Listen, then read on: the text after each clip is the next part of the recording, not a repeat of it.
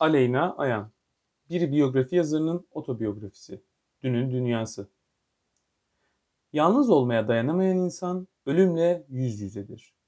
Andrei Tarkovski Stephen Zweig 28 Kasım 1881 yılında Viyana'daki Yahudi bir burjuva ailesinin ikinci çocuğu olarak dünyaya geldi. Babası tekstil fabrikatörü, annesi ise tanınmış aristokrat bir ailenin kızıydı. Doğduğu şehir ve ailesi Stephen Zweig'ı kültürel anlamda oldukça besledi. Küçük yaşlardan itibaren aldığı dil eğitimleri, ailesiyle birlikte farklı ülkelere yaptığı seyahatler, Viyana'nın sanata verdiği önem ile Zweig entelektüelliğe yönelmiş oldu. Gençlik döneminde okulun sıkıcılığı haricinde bir sorunu yoktu. Çok genç yaşlarda edebiyat alanında başarılar da elde etti. Dolayısıyla hayattan beklentisi iyiyi daha iyi kılmaktan ibaretti. Onun nezdinde iyi Avrupa'ydı ve daha iyi olabilecek şey de Avrupa kardeşliği. Yazdığı biyografilerle ünlenen Stephen Zweig, Dünün Dünyası adlı eserinde kendi hayatını anlatıyor. Ölümünden çok kısa bir süre önce yazdığı Dünün Dünyası, yazarın itiraflarından çok bir Avrupalı düşün adamının hatıraları ve içinde bulunduğu hiçbir yere ait olamama duygusu, kökensizlik durumundan kurtulmak için belleğinde kalanları kaleme almasıdır. Zweig'ın gördüğü yaşam biçimlerini atalarının dünyası, dünün dünyası ve Hitler sonrası dünya olarak üçe bölebiliriz. Yazar kitaba içine doğduğu hanedanlığı anlatarak başlıyor. Çoğu yetişkin çocukluğunu anlatırken nasıl peri masalı anlatır gibi anlatıyorsa Zweig da aynısını yapıyor. Sanatçıya siyasetçiden daha fazla önem verilen, ülke sınırları içerisinde yaşayan tüm ırkların birbirleriyle eşit haklara sahip olduğu, her sınıftan insanın sanatla ilgili olduğu bir mekan çiziyor. Bu çizdiği mekan, Zweig'in kitaplarından ilham alınarak çekilen Büyük Budapeşte Oteli filmini aklıma getirdi. Zweig çocukluk yıllarındaki Avusturya'yı öyle bir anlatıyor ki, filmdeki otel gibi her şeyin tıkırında gittiği, capcanlı renklerin hakim olduğu ve üzgün bir tek insanın bile olmadığı imajını yaratıyor. Ancak Hitler dönemini görmüş olan Zweig atalarını eleştirebiliyor. Onlar her şeyin en güzelini yaşadılar. Ebeveynlerimin ve onların büyüklerinin kuşağı ömürlerinin sonuna kadar sessiz, sakin, doğru ve düzgün bir yaşam sürdüler. Ama onları bunun için kıskanıyor muyum bilemiyorum. Çünkü insanın yüreğini daraltan ama aynı zamanda da genişleten bütün o krizlerden ve sorunlardan, hayatın tüm gerçek acılarından, tuzaklarından ve kötülüklerinden uzakta adeta bir hayal alemindeymiş gibi yaşadılar. Zweig kendisini atalarından daha gerçekçi bulsa da gönülden bağlı olduğu dünya barışı ve hümanizme o kadar kapıldı ki insanlığın bir savaş çıkartabileceğini ve bu savaşla birlikte ortaya çıkacak sefaleti sezemedi. Ulusların kardeşliğine inanmak ve kendi çevremizin etki alanında dillerin ve ülkelerin sınırlarını aşan barışçıl bir anlaşma zemini ve düşünsel kardeşlik kurmak ülküsüne inanmakla elimizden geleni yaptığımızı sanıyorduk. Atalarının görüşlerine dair eleştirilerinden bir diğeri ise gençlerin bilgisiz ve birikimsiz oldukları varsayımına dayanan eğitim sistemini hedef alıyor. Tüm gençlerin kayda değer bir şey yapabilmek için büyük görünmeye çalıştığı bir dönemden bahsediyor.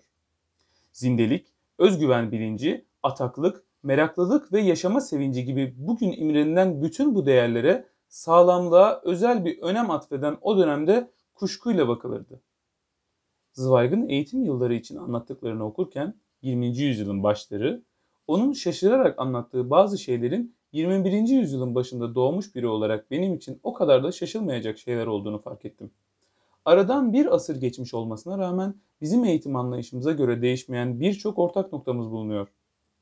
18 yaşındaki bir lise öğrencisine çocukmuş gibi davranılıyor. Sigara ile yakalanınca cezalandırılıyordu. Öğrenciler en doğal ihtiyaçlarını karşılamak üzere yerlerinden kalkıp dışarı çıkmaları gerektiğinde parmak kaldırıp izin istemek zorundaydılar. Aradaki zaman farkına rağmen bizim toplumumuz için hala değişmeyen şeylerin bulunması çeşitli sebeplerle açıklanabilir. Doğrusu yanlışı tartışılabilir. Ama bu başka bir öyküdür, başka bir zaman anlatılmalı. Yetişkinlerin otoritesinin hakim olduğu bir dönemde genç bir yazar olabilmeyi başaran Zweig, daha pek çok başarıya imza attı. Lise eğitimini tamamladıktan sonra Viyana Üniversitesi felsefe bölümüne kaydoldu. Kendini çalışmalarına ve sanat camiasında takip ettiği isimlerle tanışmaya adadı. Ününü günümüzde de koruyan Rilke, Freud, Thomas Mann gibi birçok isimle samimi arkadaşlıklar kurdu. En çok okunan yazarlar arasına girdi ve kitapları pek çok yabancı dile çevrildi. Hayatı ailesi, arkadaşları ve okurlarıyla oldukça kalabalıktı. Kitabında dünün dünyası olarak anlattığı yıllar bu yıllara tekabül ediyor. Hayattan keyif alıyor ve sanata büyük önem atfediyordu. Sanatçıya peygambervari bir yaklaşımı vardı. Böyle şairler Tanrı'nın bir lütfu olarak her zaman var olacaktır. Zweig için en parlak dönem dünün dünyası olarak iade ettiği bu dönemdi. Modernite, hümanizm ve rasyonalite var oldukça hayatın sorunsuz akıp gideceğini varsayardı. Zweig ve çağdaşları da aynı varsayım içinde yaşıyorlardı. Birinci Dünya Savaşı'nın haberleri gelmeye başladığında bir savaşın gerçekçiliğine de inanmamışlardı. Avrupa kardeşliği fikrini topluma hatırlatmak için düşman ülkelerin sanatçılarıyla görüşüyor ve düşman değil, kardeşiz demeye çalışıyorlardı. Sanatla savaşın durdurulabileceğine inanmışlardı belki de. Sanat bizim, biz bireyleri belki tek tek teselli edebilir ama gerçeğe hiçbir şekilde karşı koyamaz. Birinci Dünya Savaşı deneyiminden sonra Zweig da toplum da bunun farkına vardı. Savaşın romantik bir şey olmadığını, aksine tam bir barbarlık olduğunu biliyorlardı. Toplumun babası olarak görülen devlete güven, orta çağda kiliseye olan güven gibi sarsılmaya başlamıştı. Orduların parçalanmasıyla birlikte başka bir şey daha parçalanmıştı. Bizim kuşağı böylesine alçak gönüllü olmak üzere yetiştiren devlet kurumlarının asla hata yapmayacağına duyulan inanç. Hitler'in artan baskısı ile ülkesini terk etmek zorunda kalan Zweig için artık işler o kadar yolunda gitmiyordu. Kendine ait hissettiği Avrupa'yı terk etmek zorunda kalmıştı. Önce İngiltere'ye, sonra New York'a, oradan da Brezilya'nın Petropolis ilçesine yerleşti. Petropolis'i cennete benzetiyordu. Fakat bu cennetin keyfini yaşayabilmesi için geçmişini, Avrupa'yı, evini, Viyana'yı, vatanını, bütün sahip olduklarını, kaybolan kitaplarını, her şeyini en önemlisi varoluş nedenini unutması gerektiğini ve ancak o zaman burada yaşamanın bir nimet olduğunu dillendirir. Savaştan canını değil, özgürlüğünü kurtarmıştı. Geçmişini Avrupa'da bırakmış ve 60 yaşını geçmiş bir adam olarak yeni bir hayat düzeni kurması gerekmişti. Bir tek karısı vardı yanında. Ne kitaplarından ne de dostlarından biri yoktu. Brezilya'da saygın bir konumu olsa da onun gönlü Avrupa'daydı. Sürgün bir seçim meselesi değildir içine doğduğun ya da başına gelen bir şeydir.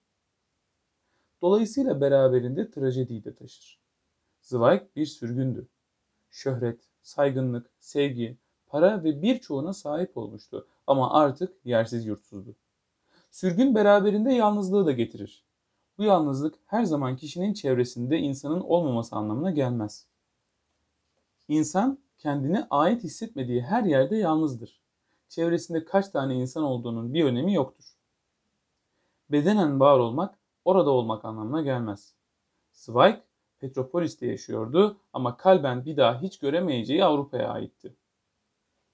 Mekanı insanlar için kıymetli kılan diğer insanlardır. Sevgiliyle yürünen yolun güzelliğinin çok da önemi yoktur. Petropolis'in cennet gibi olması da Zweig'ı hayatta tutmak için yeterli olmadı. Çünkü ailesinden, Avrupalı dostlarından, sevdiği insanlardan, Viyana'dan, Paris'ten uzaktaydı. Edward Said'in de dediği gibi, sürgün sözcüğü bence bir yalnızlık ve tinsellik çeşnisi taşır.